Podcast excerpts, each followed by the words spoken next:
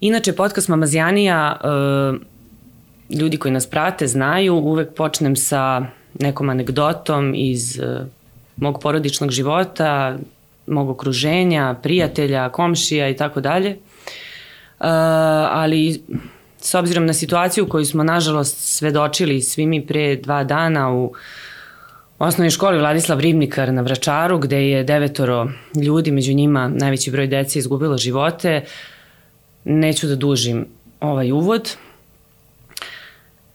Uh, kako počnem ovome da pričam, malo mi je onako teža glas ovaj, i, i za treperi i verujem i svima vama koji nas pratite. Uh, zato ćemo uh, današnju mamazijaniju prepustiti uh, našim gostima od kojih verujem ćemo čuti dosta pametnih uh, pametnih reči, e, poučnih i pre svega saveta kako da se nosimo sa, sa ovom situacijom. Danas su e, sa nama e, Marko Batur, defektolog i specijalni pedagog i doktorka Nevena Čalovski-Hercog, psihoterapeut i psihijatar. Doktorka, šta se to dogodilo pre dva dana? Kako vi vidite ovaj užas? Da, desilo se užasno. Desilo se užasno.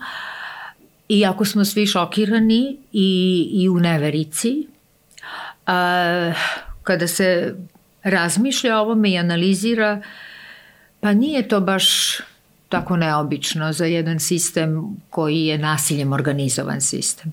Mi već jako dugo, jako dugo živimo u sistemu u kome nasilnički obrazci se mogu prepoznati u međuljudskim odnosima i u našim privatnim sredinama i u institucijama i na javnim mestima i ono što je nekako možemo da vidimo jeste da se ti apsolutno nasiljem organizovani obrazci ne sankcionišu, oni se održavaju, oni eskaliraju. Uh, Naša deca i naši mladi su odrasli u takvom sistemu i došlo je na naplatu.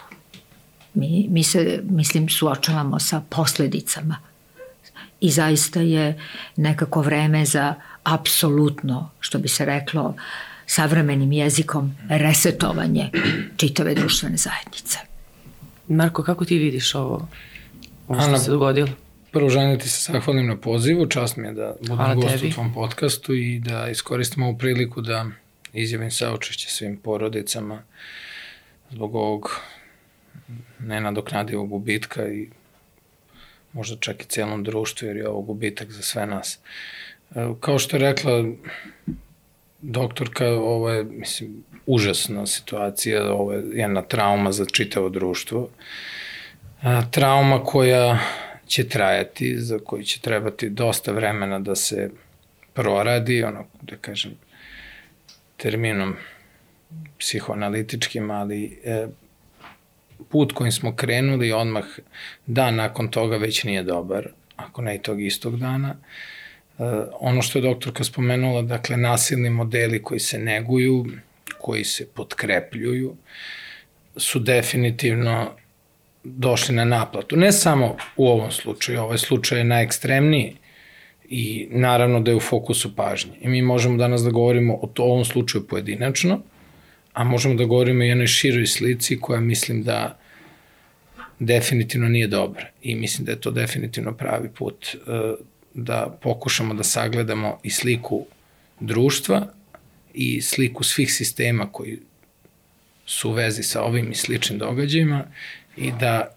na kraju ovog podcasta, ove emisije pokušamo da izvučemo neki zaključak koji će biti koji će biti svrsishodan. Ono što bi eto za početak bio, bila neka ključna rečenica, definitivno godine nečinjenja ili pogrešnog činjenja dolaze na dolaze na naplatu na najstrašniji način. I naravno niko zbog ovoga ne treba da kaže, eto, rekao sam, ne znam, predvideo sam bilo koji, jako verujem da dosta ljudi koji su iz struke su mogli da očekuju, možda ne ovako nešto dramatično, ali nešto slično, nego je vreme da se napravi jedan reset, da se okrenemo struci i nauci, da se okrenemo kulturi, da se okrenemo empatiji, solidarnosti i da pokušamo da izađemo iz ovoga pametniji sa jednom poukom koja će nas držati i dati nam mogućnost da kao društvo se promenimo i napredujemo. Eto, to mislim da je neki put, naravno to je lako reći, ali nemamo izbora, moramo da počnemo kao društvo odmah da radimo na tome. Naravno, kroz emisiju ćemo se doteći neki detalja, ali eto, za početak mislim da je ovo definicija ovog trenutka u kom se nalazi. Um, iako počinilac koji je dete, jel, nije nije moje dete, nije vaše dete, ali opet je negde dete ovog društva na neki način. Da. Ovaj, uh, ja se nekako kao pojedinac osjećam odgovornom za njega, odnosno za, za društvo u kojem živi i, i svi mi na neki način osjećamo osjećamo odgovornost. Marko je sada pomenuo reset. Vi ste pričali o tome da živimo posledice. Pitanje je dokle će ići te posledice, koliko dugo treba da ih živimo, da ih gledamo, da ih trpimo. Uh, kako da, kako da se resetujemo, kako da kako da stavimo tačku na sve ovo, da krenemo iz početka. Da li moramo da, da, li moramo da sačekamo sad niz, ne daj Bože, ovakvih događaja ili sličnih ili manje strašnih, ali opet, jel, uh, rekli smo i tog istog dana, videli smo svakakve reakcije i kod dece i odraslih, a evo, nažalost, i dan kasnije, ovaj, šta da radimo? Mislim da ne možemo da čekamo. Mislim da nije situacija za čekanje. Sigurno je da roditelji treba da razgovaraju sa svojim decom o ovome. Sigurno je da u školama nastavnici, razredne starešine, psiholozi, pedagozi, defektolozi treba da razgovaraju sa decom, treba da ih čuju, treba da uvaže emocionalnu reakciju i reakcije svih nas i da ne kriju svoje reakcije, da ne kriju informacije, da nema mistifikacije, da se kaže da se na neke odgovore, na neka pitanja ne mogu dati odgovori, da se, e, da bi već bila jedna drugačija klima To je već jedna drugačija kultura. To je već kultura razgovora, već kultura uvažavanja šta ko misli, kako se osjeća, o čemu razmišlja. Mogu, ljudi imaju potrebu da se povezuju, da pripadaju, imaju potrebu da daju značenje fenomenima oko sebe, imaju potrebu da se osjećaju sigurno. Mi smo nekako sve to zanemarili. I vreme je da se resetujemo, da taj način postane nešto što će biti mehanizam u kome trajemo. U stvari ta komunikacija da, i odnosi da bude među, drugačija. Da, Takođe, međugeneracijski. Ne treba zaboraviti da i mi odrasli, a možete misliti koliko deca u razvoju i mladi su osetljivi na ono što se dešava u spoljašnjem svetu, odnosno što se dešava van porodice i van škole. Govorim o javnom diskursu koji je ovde veoma problematičan već godinama on takođe treba da se transformiše u jednu, na jedan drugi način. E, šta ima najloši uticaj na našu decu, na adolescente pre svega? Marko, ti imaš dosta iskustva sa radom, sa decom koja su i zavisnici, i problematični su i dolazi iz različitih porodičnih struktura, da tako kažemo, ja? Ono što ja mogu da kažem kroz moje radno iskustvo koje je bilo kroz različite sisteme i sistem socijalne zaštite i prosvete i individualna podrška deci i mladima, e, ja bih želao da počnem, možda nije da kažem to broj jedan uticaj, ali želeo bih da počnem od medija. Želeo bih da počnem od medija. E, ako govorimo o ovom konkretnom događaju sada, vi već možete da vidite da e, mediji prave, nažalost, od ovoga ponovo estradu prave od ovog dečaka koji je takođe žrtva na neki način, antiheroje. Mi smo imali u medijima već na naslovnim stranama jutros njegov iskaz iz Centra za socijalni rad. Šta je on govorio socijalnom radniku? Otkud to u medijima? Ko je to imao pravo da da? I to nije prvi put. Mi smo imali da se žrtve iznova, iznova sahranjuju kroz medije. Govorimo o štampanim i ovim elektronskim medijima. Reče naš, naš predsednik, deca to ni ne gledaju, ne čitaju. Mogu da se složim jednim, jednim delom da više koriste internet. Ali tu je tek izvor raznih rizika. Mislim, internet, internet je vrednostno neutralan. Internet nije ni loš, nije ni dobar. Zavisi kako su potrebe, kao i razne druge stvari. Nažalost, roditelji često nemaju vremena da uopšte se posvete deci, da imaju predstav o tome šta njihova deca koriste na internetu, da li imaju pristup društvenim mrežama, da li imaju pristup Instagramu, TikToku, sličnim mrežama koje, na kojima vrebaju razne opasnosti. Onda, onda uh, gaming zavisnost, ja sam se bavio tim igranje igrica, uh, to nisu igrice koje su bile pre 25 godina. Da, vrlo često su agresivne nasilne. Ne samo što su agresivne, nego su i mm. visoko adiktivne. Visoko adiktivne, dakle brzo, brzo uvode u zavisnost. Posebno video igrice koje su po sistemu takozvanog Battle Royale koncepta, znači igrice kao što su, na primjer, Fortnite ili Counter Strike, koje su nasilne same po sebi, uglavnom ih igraju dečaci, ali i devojčice, a ne samo što su nasilne, nego brzo uvode u zavisnost. Mi imamo sad nešto se zove uh, u literaturi izmeštena socijalizacija. Mm. Znači, deca i mladi se ne socijalizuju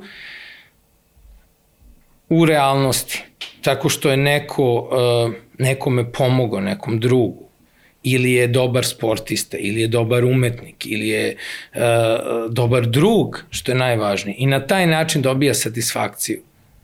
Već se socijalizuju u virtualnom svetu, koliko će imati uh, vatrica na Snapchatu, koliko će imati lajkova na Instagramu, koliko će imati uh, lajkova na, na YouTubeu, na TikToku i tako dalje.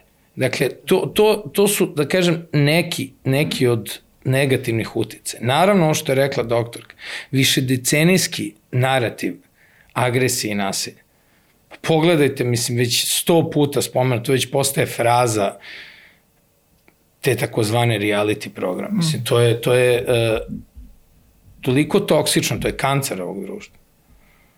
Pogledajte javne nastupe, pogledajte uh, verbalni diskurs koji se koristi u, u emisijama na televiziji kada dvoje ljudi visoko obrazovnih treba da razgovaraju pristojno e, šta su sve u stanju da kažu jedni drugi.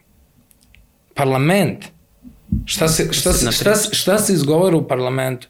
Mi se već sprdemo s tim, a dobro, parlament, koga to zanima. Ali to je reprezent takođe ozbiljnosti države i društva. Tema je, tema je široka. Ja, ja bih sad mogao da uzmem mikrofon i da govorim satima. Naravno da nije ni mesto ni, ni, ni vreme da se na taj način razgovara. Uh, imamo jedan slobodan razgovor nas troje da pokušamo da izvučemo neke pouke. Doktorka ima ogromno iskustvo, uh, ja imam takođe određeno iskustvo, ali ovo je jednostavno priču koju mora se uključiti celo društvo. Ja, ja imam konkretne predloge, ja mogu da potpuno konkretizujem šta mislim da bi trebalo da se uradi. Prvo pod broj 1, uh, institucionalizacija prevencije. Znači, prevencija poremeće ponašanja kod mladih mora da bude sistemska. Ne može da bude ad hoc, od projekta do projekta. Mi smo imali dugo je trao projekat UNICEF-a škola bez nasilja, verujem da se vi sećate. Da, da. E, ja ne želim da omalovažam ni taj, niti bilo koji drugi projekat. Ja, o, to, je sve, to je sve na mestu. Ali mora prevencija da bude sistemska. Kako? Sve se zna u literaturi. Samo treba da se obrati država struci i nauci. I ne može da bude, Marko, izvinite, ne može da bude kampanjska. Tako je, ne, ne može da bude ad kampanjska, bravo. zato što sad imamo projekat, bravo, imamo sredstva bravo, i mi se s time bavimo. I šta I smo završi uradili? se projekat da. i gde smo. Da. Niš, mm. Znači, mora da, imali smo nekad savjetovališta za brak i porodicu, imali smo nekad savjetovališta za decu, adolescenti i roditelji, mreža savjetovališta, da se povežu sistem, intersektorska saradnja, socijalna zaštita, pravosuđe, policija, prosveta, zdravstvo. Znači, intersektorska saradnja, mreža savjetovališta, gde bi bili multidisciplinarni timovi, pristup, da. deči psiholog, e, defektolog, specijalni pedagog, logoped, šta god je potrebno, Ne, ne postoji izgovor, nema se sredstava za to. Ne, to je prioritet svih je, prioriteta. Žalosno je što mi imamo kadrove. Mi Odlične imamo kadrove. odlično školovane ljude iz ove oblasti. I u socijalnoj zaštiti, i u prosveti, i, i, i u zdravstvu. Imamo ljude koji su prošli edukacije i koji su, pa i na osnovnim studijama, stekli veoma zavidan nivo teorijskih znanja, a kroz praksu ovladali veštinama. Međutim, nema ih dovoljno i nisu povezani. A zašto? I nisu zašto podržani. Nisu, nisu zašto, nemo, zašto ih ne pustimo da rade svoj posao? Pa ne možete imati jednog psihologa ili defektologa u školi od 1400 dece. Znate, to je neozbiljno. To, to je neozbiljno. To, to, to, to je, S druge strane, koliko treba da ih bude? Šta a, rizik je čak i sad, ako stavimo, znate, mi stavimo pet psihologa i ne znam, šest defektologa, dva socijalna radnika, jednog logopeda u školu, to je znači neko ko će intervenisati samo tu. A situacija je, kao što je i Marko rekao, da mora da se interveniše od individualnog preko porodičnog, socijalnog do, do, do državotvornog nivoa. Mislim da su veoma odgovorni ljudi koji donose odluke o nama, znate. Oni su veoma odgovorni. Oni u stvari u ovom trenutku imaju najviše moći. I Mi ovako govorimo godinama. Da. Godinama. Godinama govorimo. I ima, što kažem, medijska odgovornost je veoma velika, ali ima medija koji i tekako otvara prostor i mogućnost da se čuje i glas. Naravno, naravno. Evo, mislim sad da, da, da se nadovežem na, da se nadovežem ovo što je rekla doktorka. Ono što je činjenica, nekad je porodica kao mesto vaspitanja dece, osnovno, osnovna ćelija društva, nosila jednu težinu. Sada se to dosta promenilo. Promenile su i okolnosti, postoje neke stvari koje roditelji nisu u stanju da detektuju na vreme. Jednostavno potrebna je neka produžena ruka i roditeljima, a i produžena ruka i stručnim timovima škole. To treba da budu ta savjetovališta o kojima ja govorim. Znači ono, ono što je, e, da, da kažem, azbuku u našoj struci, u svim ovim strukama mm -hmm. koje se bave decom i mladima i uopšte mentalnim zdravljem ljudi, rana detekcija, rana intervencija. Što ranije intervencija, to su šanse za, za, za, neku, za neku korekciju moguće. Onda, s druge strane, takođe jako važna stvar, alternative. Koje mi alternative nasilju nudimo mladima? Da. Evo prosta rešenja. Da vidimo kako se radi analiza? Imamo rizikofaktore, imamo takozvane protektivne zaštitne faktore. Rizikofaktori su sve ovo što smo pobrojali.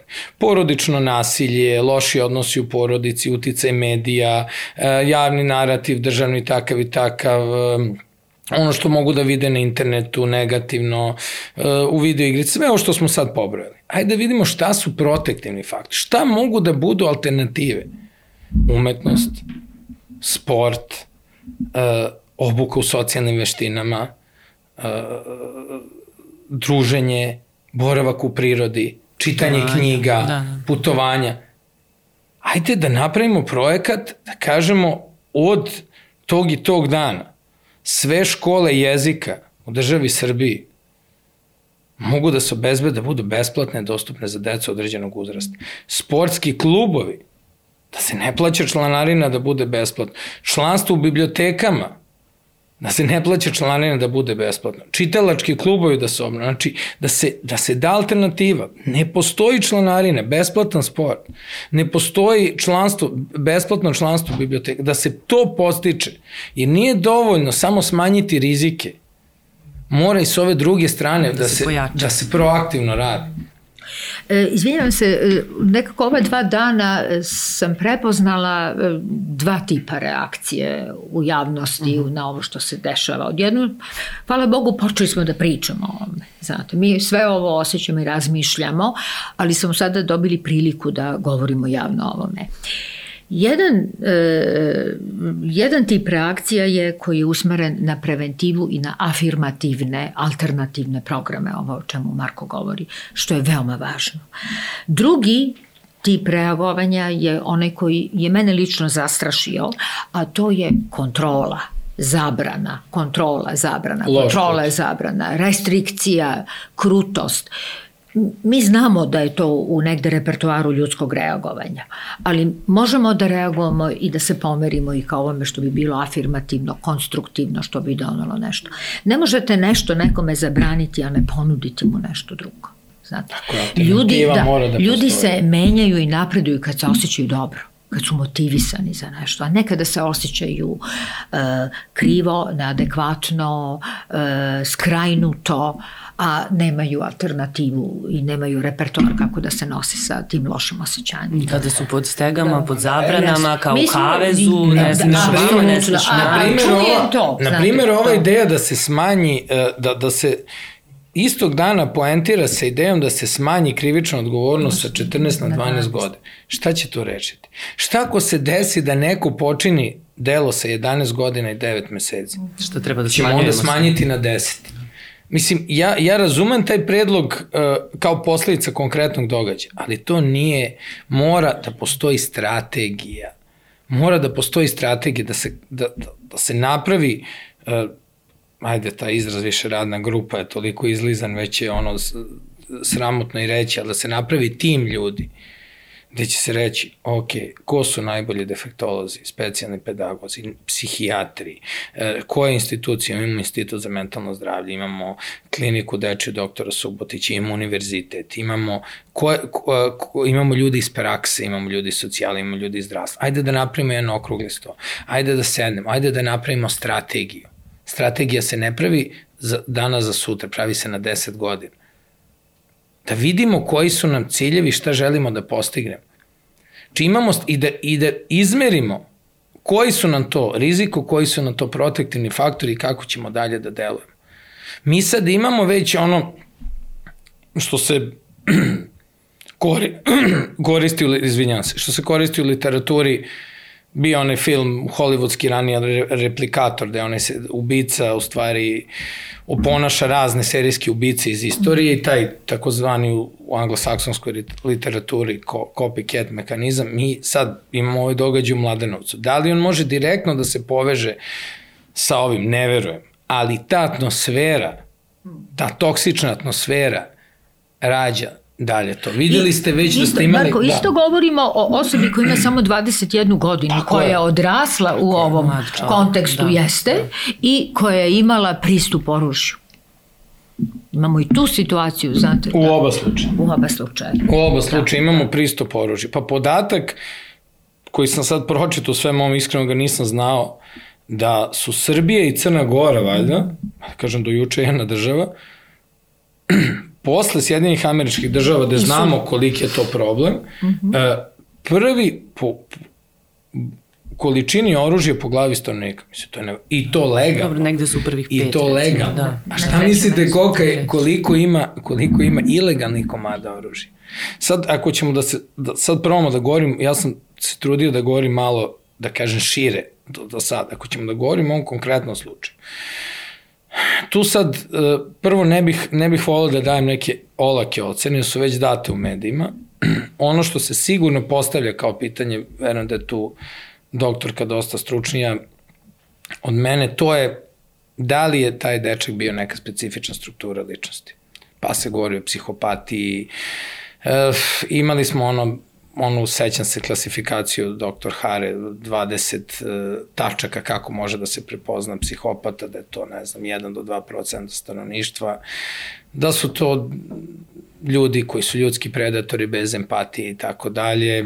Postoje neki rani znakovi, obično deca koja pokazuju agresiju prema životinjama, što se isto dosta toleriši uzima uh, zdravo za gotovo. Ja, to, to je jako teška reč. Jako je teško dati takvu etiketu bilo kome, čak i detetu koje je počinjalo o, o, ovakav zločin. Ali to je definitivno takođe tema za razmišljanje. I tu je rana, i tu je rana a, detekcija važna. I sada, ako imamo nekog, ne moramo da govorimo o dečaku, bilo koga, ko je zaista psihopatske strukture ličnosti, mi u ovakvom okruženju, kad se to in, na, na, na tu strukturu inkorporira ovakvo okruženje o kome govorim, ima mnoštvo okidača. Mnoštvo okidača da, da dođe do izražaja u, najgore, u najgorem smislu te reči. E, znači, sigurno da postoji e, prostor za, za, za priču o tome. Da kažem nečemu što je biološki, nečemu što je genetski. Ali postoji ogroman prostor za priču od kako je tom detetu bilo dostupno ko je obučio to dete da tako rukuje oružje, On je rukovao oružijem kao da je profesionalni vojnik. Koga je obučio da napravi molotovljeve koktele? Da li na internetu, da ga je neko lično ostručio i tako dalje. I šta će biti sa tim detetom sada? On nije krivično odgovoran. Znači, ne može da mu se krivi. Gde će on boraviti? Po zakonu... To je ono, izvini što te prekidam, pre snimanja što si mi pomenuo, ovaj, mislim, niko nije ni pomišljao na to kad si rekao ali Ana, on sad nema gde da boravi. Nema gde da boravi. Da. Pušten. On nema gde da boravi. Ja dok sam Šta radio u socijalnoj zaštiti, to da. sam, ja mislim da ste doktorka, vi se vjerojatno sećate tog slučaja, kad su ona dva dečaka uh, spalili onog beskućenka u Novom Sadu. Da, e, da, da. I ta dva dečaka da, da. su došla u jednom momentu ustanovu koju sam ja radio u prihvatilište, znači oni su počinili ubistvo. Da li je to bilo iz nehata, da li su mm. oni zaista, te, to je ostalo, to je ostalo nedefinisano. Mi smo, to, to, je, to je, znači, dom, ustanov socijalne zaštite bila, dom za decu bez roditeljskog staranja, gde su na kraju došla ta dva dečaka. I ne samo takva dva dečaka, nego uh, uh, imali smo decu koji su bili ozbiljni piromani, koji su spalili, ne znam, po 20-30 automobila, decu koja su žrtve trgovine ljudima, žrtve raznih oblika nasilja i sami počinioci različitih oblika nasilja. Imali smo decu koja do 14. godine imaju po 96 izvršenih krivičnih dela. I čeka se 14. godina da se osude, da odu u, u vaspitnom popravni dom u Krušecu i šta, šta se tamo dalje dešava? Ništa posebno. Znači izađu, izađu kao, struktu, kao strukturirani da. kriminalci. Da. To je ono o čemu smo pričali. Sistem mora da se uveže, intersektorska saradnja i da se menja.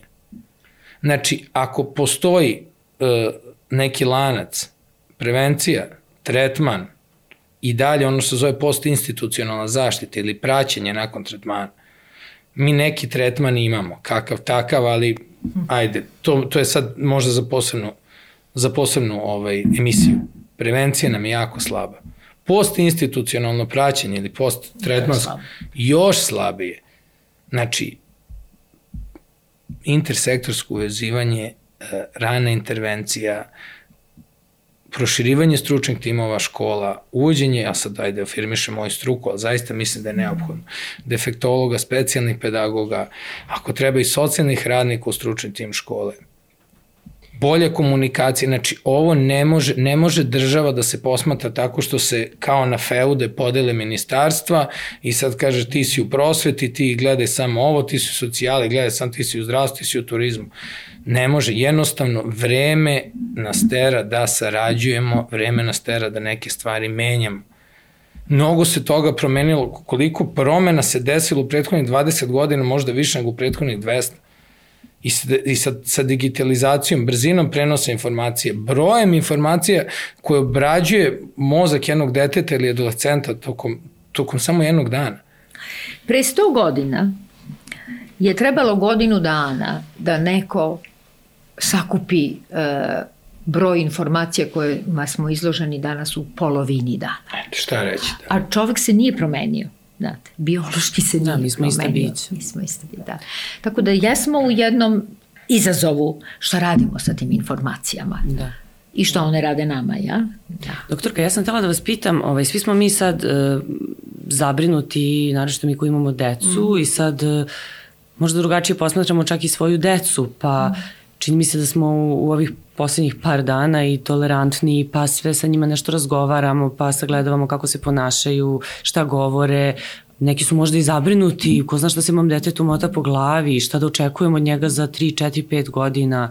Uh, mnogi oponenti čak ovoj priči o realitima, internetu i tako dalje, kažu pa dobro, sve to jeste, ovaj, nije reprezentativno, nije neki model, uzor ponašanja, ali opet e, najvažnije ide iz porodice, ako su deca u porodici mirna, ako imaju normalne odnose sa roditeljima, bratom, sestrom i tako dalje, sve će biti okej. Okay. Šta se desilo u porodici ovog dečaka? Da li je moguće da niko nije primetio da. te njegove spiskove, ideje, pa u krajnjoj liniji pogled, kažu da pogled je dosta govori govori. Mm -hmm. Da li je to uopšte moguće znači, da ne primetim? Ovaj, definitivno e, deca kada odrastaju imaju potrebu za nekom autonomijom i za nekim nivom svoje privatnosti i svi znamo za fenomenalni generacijski jaz jeli, između roditelja i između dece koje odrastaju, gde se sada suočavaju neki novi sadržaj, nove vrednosti, novi načini koje mladi unose u porodicu, a roditelji su često iznenađeni,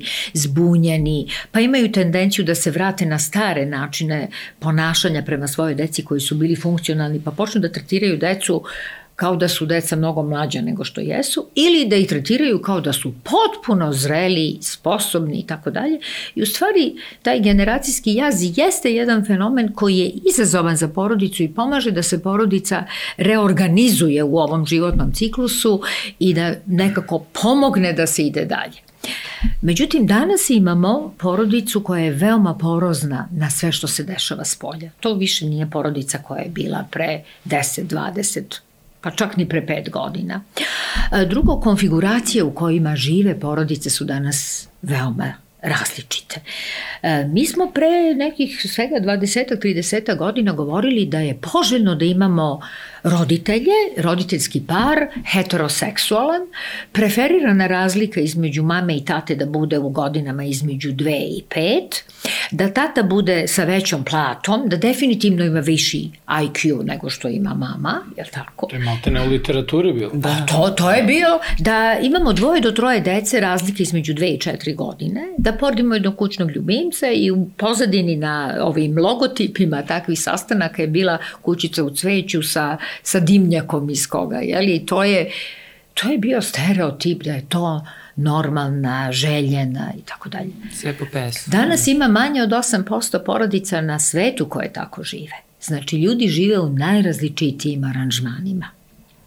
I ti aranžmani zahtevaju negde prilagođavanje. Kako sada u ulozi roditelja kako da se snađe u ovoj novom aranžmanu. Zatim imamo porodice takozvane mešane, rekonstruisane, gde ljudi žive sa novim partnerom i sa decom iz svojih prethodnih veza, iz partnerovih pre, prethodnih veza i onda eventualno imaju i svoju decu. Jeli? Tu su deca stavljena u jedan novi sistem, na primjer. Imamo homoseksualne roditeljske parove. Nema ih mnogo u Srbiji, ali ih ima. Oni su pod posebnim stresom. A da ne govorimo o ovome, već je to što je Marko rekao, već je to fraza, da su roditelji preopterećeni, da su zbunjeni, da su nekako uh, prepušteni negde medijima, povlače se i prepuštaju deci da se sama nekako organizuju i da sama skupljaju načine i razvijaju načine kako da komuniciraju. Mi imamo emocionalno nepismenu naciju. Prilično i digitalno nepismenu. Deca su manje nepismena u tom smislu, ali emocionalno nepismenu naciju u kojoj u stvari ne učimo decu i ne dajemo dozvolu za doživljaj čitavog jednog dijapazona najrazličitijih osjećanja, ali pritom i načina kako se ta osjećanja obrađuju i šta se radi s njima.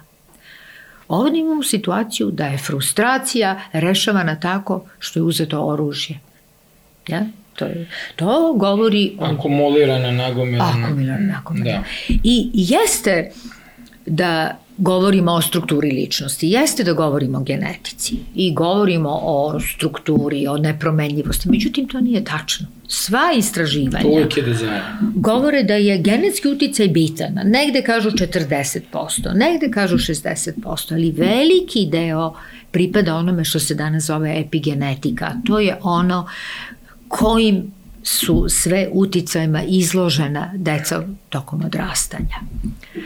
Koje su to iskustva koje oni negde usvajaju i kako usvajaju odnos prema sami sebi i prema drugima? Da li sebe vide kao vredne pažnje, da li vide svet kao mesto koje je sigurno i koje ih podstiče ili vide da je to svet koji ih frustrira i koji ih plaši? I šta da rade sa tim?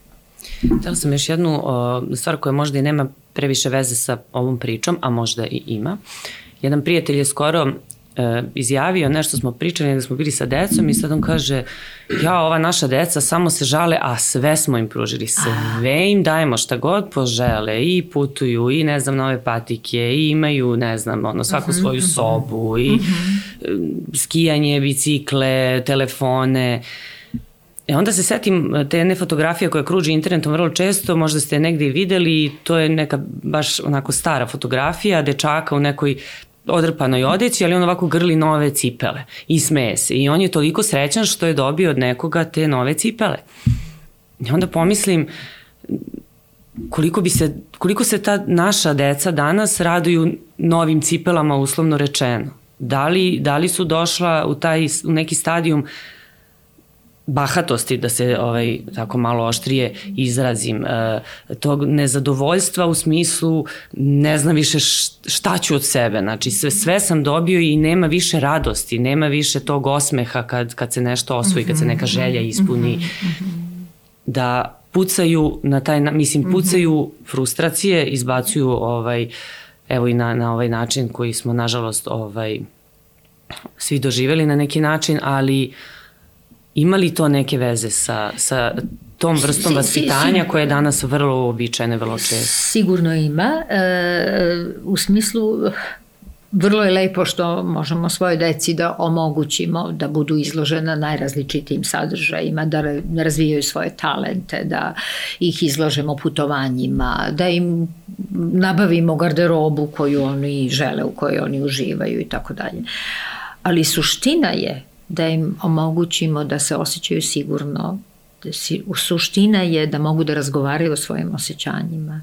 Suština je da osjećaju da su roditelji dostupni i responsivni. Ne kroz Znate, da nisu pokretni bankomati, ja to često čujem od pobeđenih, takozvanih pobeđenih roditelja koji se nađu u čudu kada ne mogu sa svojim decom da razgovaraju i da utiču na njih, a deca ne sarađuju i ispoljavaju različite, da kažem, i poremeće ponašanja.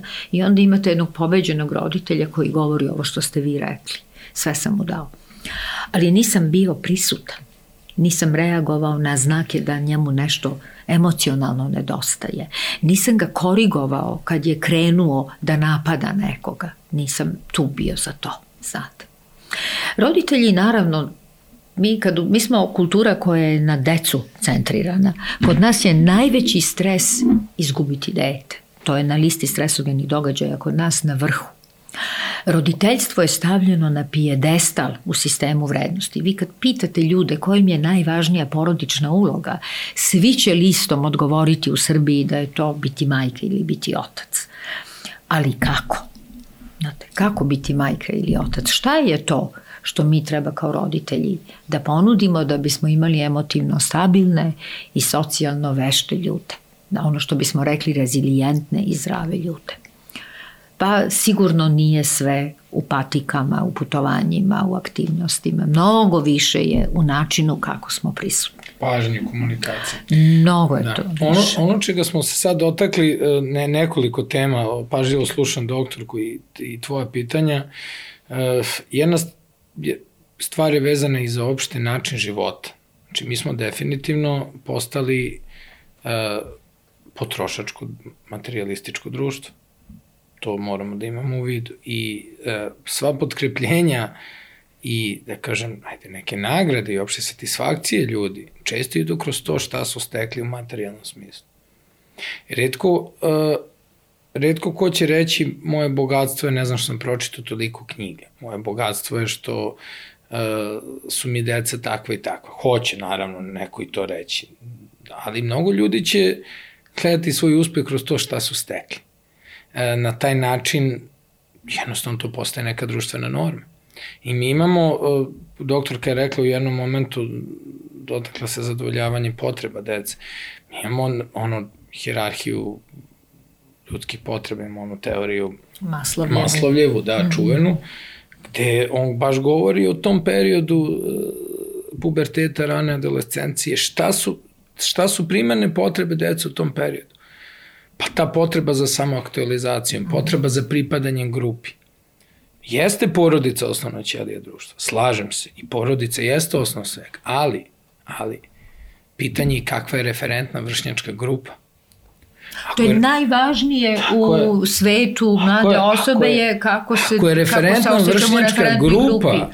destruktivna mm. i materialistički orijentisana, da možeš da budeš ravnopravan pripadnik te grupe, ukoliko igraš određenu igricu, ukoliko slušaš određenu muziku, ukoliko nosiš određene patike, ukoliko ispuniš neki izazov sa TikToka, da trebaš da uradiš nešto destruktivno ili iz neke lokalne njihove grupe, onda će dete biti frustrirano ako ne pripada toj grupi i roditelj će imati problem da mu objasni zašto ne treba da pripada toj grupi, a da nađe možda neku drugu grupu koja je e, e, zdravije za njega. Ono čega se nismo dotakli, a mislim da je takođe jako važno na onoj listi faktora o kojoj smo pričali, to je muzika. Ja sticam okolnosti pratim, ja imam dvoje dece, sina i čerku, drugi i treći razred osnovne škole. Ja već na uzrast od 9-10 godina zapažam da deca počinju da slušaju muziku koja je neprihvatljiva koja je neprihvatljiva. Znači, mi smo imali 90-ih turbo folk, mislili smo da je to nešto najgore što postoji. Sada se nekako uh, van lupe uh, društva i za zave se razvija i muzički žanovi nekog modifikovanog repa, trepa, kako god se to zvalo, sa neverovatno štetnim tekstovima. Znači, tekstovi pesama da se propagira nošenje, da se propagira nošenje oružja. Ja mogu da, da vam pustim posle emisije. Moja ekipa, svi naoružani, svi panciri, idemo, splavovi. Jeste prostitucija, narkomanija. Prostitucija, narkomanija. Znači, deca od 10-12 godina pevaju tekstove pesama za koje mnogi ni ne znači šta znači. Ne znaju šta znači, ali polako ulaze u taj narativ. I to je isto jedna, jedna, jedna problematična stvar. Mi imamo, na primjer, ovakve slučaje ovih zločina u, u školama su uglavnom bili vezani za sjedinjene američke države. I imamo posebne institute koje se bave baš, baš tim fenomenom. I sad možemo da se zapitamo, bilo je takvih slučajeva i u Rusiji, i u Sovjetskom savezu, obično tim, da, da kažem, zemljama koje su mnogo ljudne u tom smislu, ali ne samo to.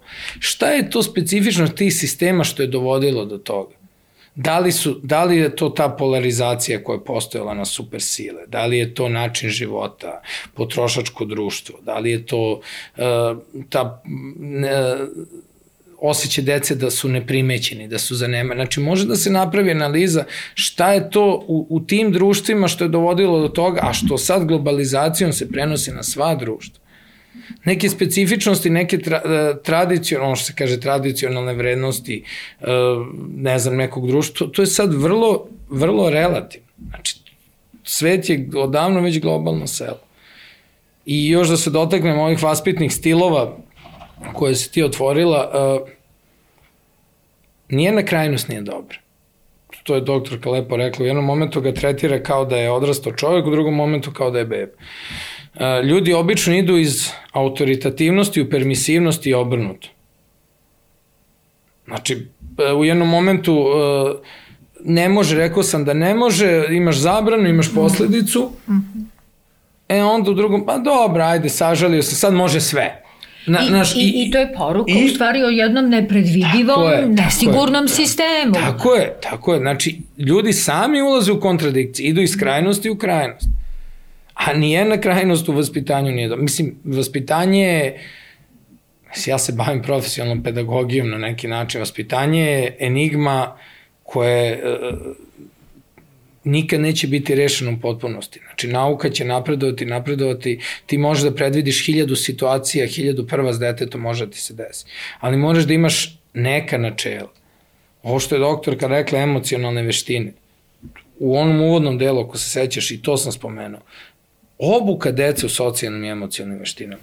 Postoje programi strukturirane obuke. I to treba da bude deo tih preventivnih aktivnosti. Kako odreagovati u frustracijnoj situaciji? Šta da radim kada me neko zadirkuje, kada me neko provocira? Kako da kažem ne izazovu? Kako da prihvatim ne od druge osobe? Kako da budem strpljiv? Kako da se izvinim? Kako da pitam da li mogu da dobijem reč? Znači, prorađivati konkretne situacije sa decom, koje mogu potencijalno za njih da budu frustracije. Dati im alternative u tom smislu. Socijalne emocionalne, emocionalne veštine obično idu zajedno, razvijaju se zajedno. Mi imamo taj trijas, kognitivne, socijalne i emocionalne veštine. To je ono što se ranije zvalo, vi se vjerojatno sećate bolje tog perioda, uh, ono, celovit razvoj ličnosti. To je to. Znači, moramo da razvijemo i kognitivne i socijalne i emocionalne veštine kod dece. Ok, znanje, usvajanje gradiva, ocene, isto i ta fascinacija ocena. Ja poznajem ovde dosta roditelja, pa i u školi u kojoj se dogodila tragedija, nažalost, i ne samo u toj školi, u svim. Imate uh, sad uh, takozvana elita, šta god to bilo u ovom momentu, to je jako teško sad definisati. Imate dve krajnosti. Imate roditelje koji su moćni na bilo koji način, da li finansijski ili po položaju ili kako god, i koji govore svoje deci, ma mi imamo to i to, ne može tebi niko ništa, mi imamo tri kuće, šta učiteljica, šta nastavnica, mi smo tu šefovi glavni. A imate drugu grupu neverovatno ambicioznih, da ne, ne upotrebu neku težu reč roditelja, koji insistiraju samo pet, pet, pet, ocene, ocene, ocene, te deca dolaze u frustraciju i strah da saopšte, da saopšte roditelji su dobili manju ocenu od petice. Znači, to su dve krajnosti, opet dve krajnosti. I u sredini imate ono što, što može što je poželjno. Opet dve krajnosti. Jedna, ma šta, škola, nije to bitno, mi ćemo to da rešimo, mi smo moćni, tvoj tata je ovo je ono. I s druge strane, moraš da imaš pet po svaku cenu, ako ne dobiješ pet, ne vrediš ništa. A ima dosta značajan broj roditelja koji su upravo te dve ekstremne grupe. Značajan broj roditelja. Znači, to, to, je, to, to su te krajnosti o kojima doktorka priča, koje sigurno nisu dobre.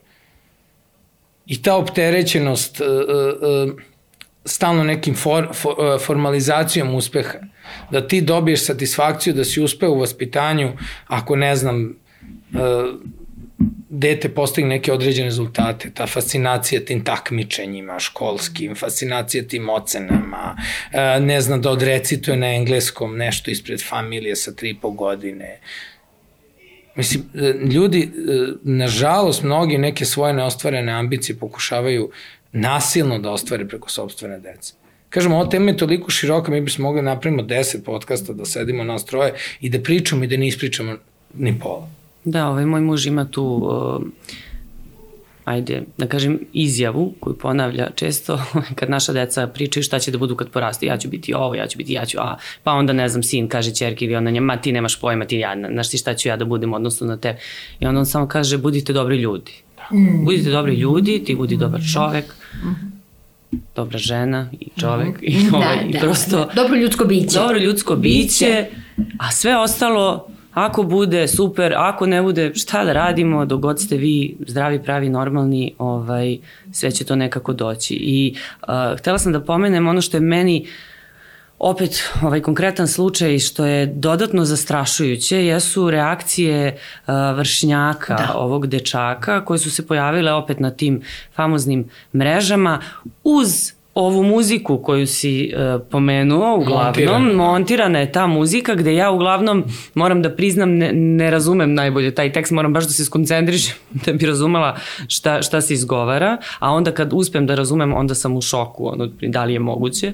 Ovaj, I oni sad uh, snimaju tu raznorazne spotove, uh, klipove e, ovaj, koji se odnose na ovaj slučaj, na ovog dečaka, pominju njegovo ime i sad neki, neki sad podržavaju ovaj, njegovo nedelo, uh, drugi mu prete, te, znači potpuno su, i tu su čak krajnosti u njihovim mm. reakcijama, ali oni su toliko uh, eksplozivni, toliko su onako uh, opet nekako bahati, znači grubi, agresivni, uh, to je ono, primetite, snage, primetite me sad i ja hoću deo ove pažnje, ja hoću ono deo ove, uslovno rečeno, slave. Samo izlaz, da samo izlaz iz anonimnosti, to da li je, to, je bitno. Da li je to moguće? Da- slava da, da toliko ima dece koje tako razmišljaju? U što će oni izrasti? Ovo o čemu Marko govori, o, o potrebi da se afirmišeš u referentnoj grupi i u javnosti, to je nešto što je karakteristika odrastanja i bila je od uvek, od kako je sveta i veka. Da se u referentnoj grupi šire prikažeš kao moćan, jas i tako dalje. Međutim, program je, hardware je u redu, ali software koji je ubačen je strašan. I isto Odlična tako, metafora. ovo što možemo metafora. da vidimo, isto tako možemo da vidimo prosto kao jedan simptom, kao metastazu tumora u kome mi živimo. To je, deca su simptom. Ovo je simptom, ovo je refleksija uh, uh, mnogo šireg i većeg problema. Ne mogu Iskreno da vam kažem, mene no. plaše ti snimci. I ja mene, to kad vidim, ja, ja sam svakog, svakog ozbiljnog i odgovornog čoveka plaše. Aha. Svakog Ali je važno kako ćemo tad, taj strah da pretvorimo u oprez i u akciju i kako da napravimo strategiju, akciju, kako da uradimo ono što možemo. Što moramo. Ono što, što, što moramo. moramo ako hoćemo da budemo na boljem Ali mestu. opet da se vratimo na medije. Ko je okidač takvog narativa? Ko je okidač takvog narativa? Čemu naslovi u novinama gde je boravio, komu je otac, komu je ujka, komu je tetka, gde se kretao, ovo je njegova zgrada. Čemu to? Znači, takve stvari moraju da se kao fakti prenose svedeno sa, sa nužnom pažnjom šta će izazvati. Znači, to kako deca nastupaju na mrežama, to je narativ, nažalost, kako pojedini mediji, neću da kažem svi, nastupaju u javnosti. Da, ali to je ideja, senzacionalizam u funkciji podizanja tako rejtinga. Je, tako je. Znači samo, e. to je opet vezano za ono što smo rekli, materialističko potrošačko društvo, samo rating, like, novac, satisfakcija, e, slava. E, vi, mislim da smo blizu kraja, pa bih hteo da, da kažem nešto ovaj, što mislim da smo ostali dužni, a to je e, savet kako da roditelji i, i da kažem nastavnici u školama rade sa decom u ovom narednom periodu. Nažalost, nismo se bavili školom i nastavnicima, da. eto to pa, imamo, za neki drugi da, put, im, kojima su ruke vezane. Tema, što je tema je preširoka. Da im se odvežu da, ruke. Da. Tema je preširoka, tema je preširoka. E, nadam se da smo je barem zagrebali na dobar način. E, ono što, je, što bi bila moja ideja, e, nisam bio pobornik ideje da se zatvore škole. Mislim da, da bi to bilo loše i da se svako zatvori da tihuje i strahuje u svojoj kući. Mislim da to nije dobro rešenje. Ali mislim da nije trebalo da se održava ni klasična nastava, a kamoli neki testovi, odgovaranje i slične stvari. Jednostavno trebali su da se naprave dani uh, uh, koji bi bili dani edukacije, dani rasterećenja, gde bi se pričalo i o ovoj temi, ali i o nekim drugim alternativno lepim temama, da se izvuče neka pouka, da se probudi solidarnost, empatije među decom, da se deca ono skupe, što se kažu, jedni uz druge, znači da, da možda se čak pro, proglasi i cela nedelja i da se opet posavetuju stručni ljudi možda iz polja na koji način da se to koncipira i da bude jedna nedelja posvećena samo tome, ali ne tome u tom banalnom smislu. Ko je on bio, zašto je to uradio, kakvu kaznu treba da podnese. Ne, nego baš da se razgovara o ovim stvarima o kojima pričam. O dobročinstvu, o empatiji, o solidarnosti, o drugarstvu, da se priča o emocijama, da se priča o potencijalnim socijalnim izazovnim situacijama u kojima dete može da se nađe. Znači, to je po meni bilo neko rešenje. Sad, negde se neko, neki kolektivi su se organizovali pa su i sami tako nešto uradili, mislim da u tom pravcu treba da idu. Što se tiče roditelja, jednostavno nemoguće sakriti od, od dece da se ovo dogodilo, jednostavno je nemoguće, ja sam razgovarao i sa, sa, sa mojim sa mojom decom. E, teško je eksplicitno ispričati i objasniti zašto se to desilo, da neki, da kažem, njihov drug, neki vršnjak je u stanju to da uradi. Uh, ali im treba poslati jednu poruku da trebaju da čuvaju drugare, da ako vide da je nekome teško, da neko ima problem, da trebaju da mu pomognu, da ako posumnjaju da se dešava nešto loše, da treba da se obrate starijem za pomoć, učiteljici, nastavnici, pedagogu, psihologu, roditelju, da budu otvoreni. Treba iskoristiti ovaj, uvek je mm, krizni moment i rizik i šansa. Ajde da uhvatimo barem tu malu šansu koju imamo nešto da promenimo.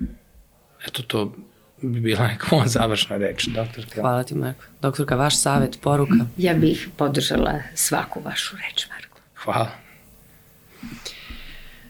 Ja se nadam da smo nešto naučili, da ćemo zapamtiti ovo što ste nam ispričali, bilo je kratko, ali poučno. Eto, ostale su neke teme, ovaj, kako reče Marko, nismo ih ni zagrebali, možda bolje da ih sad ne diramo, pa ćemo ih ostaviti za neki drugi put.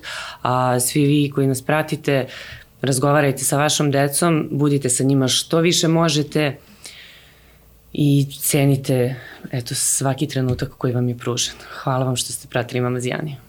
Prijatno. Hvala. Hvala vam. Hvala puno. Hvala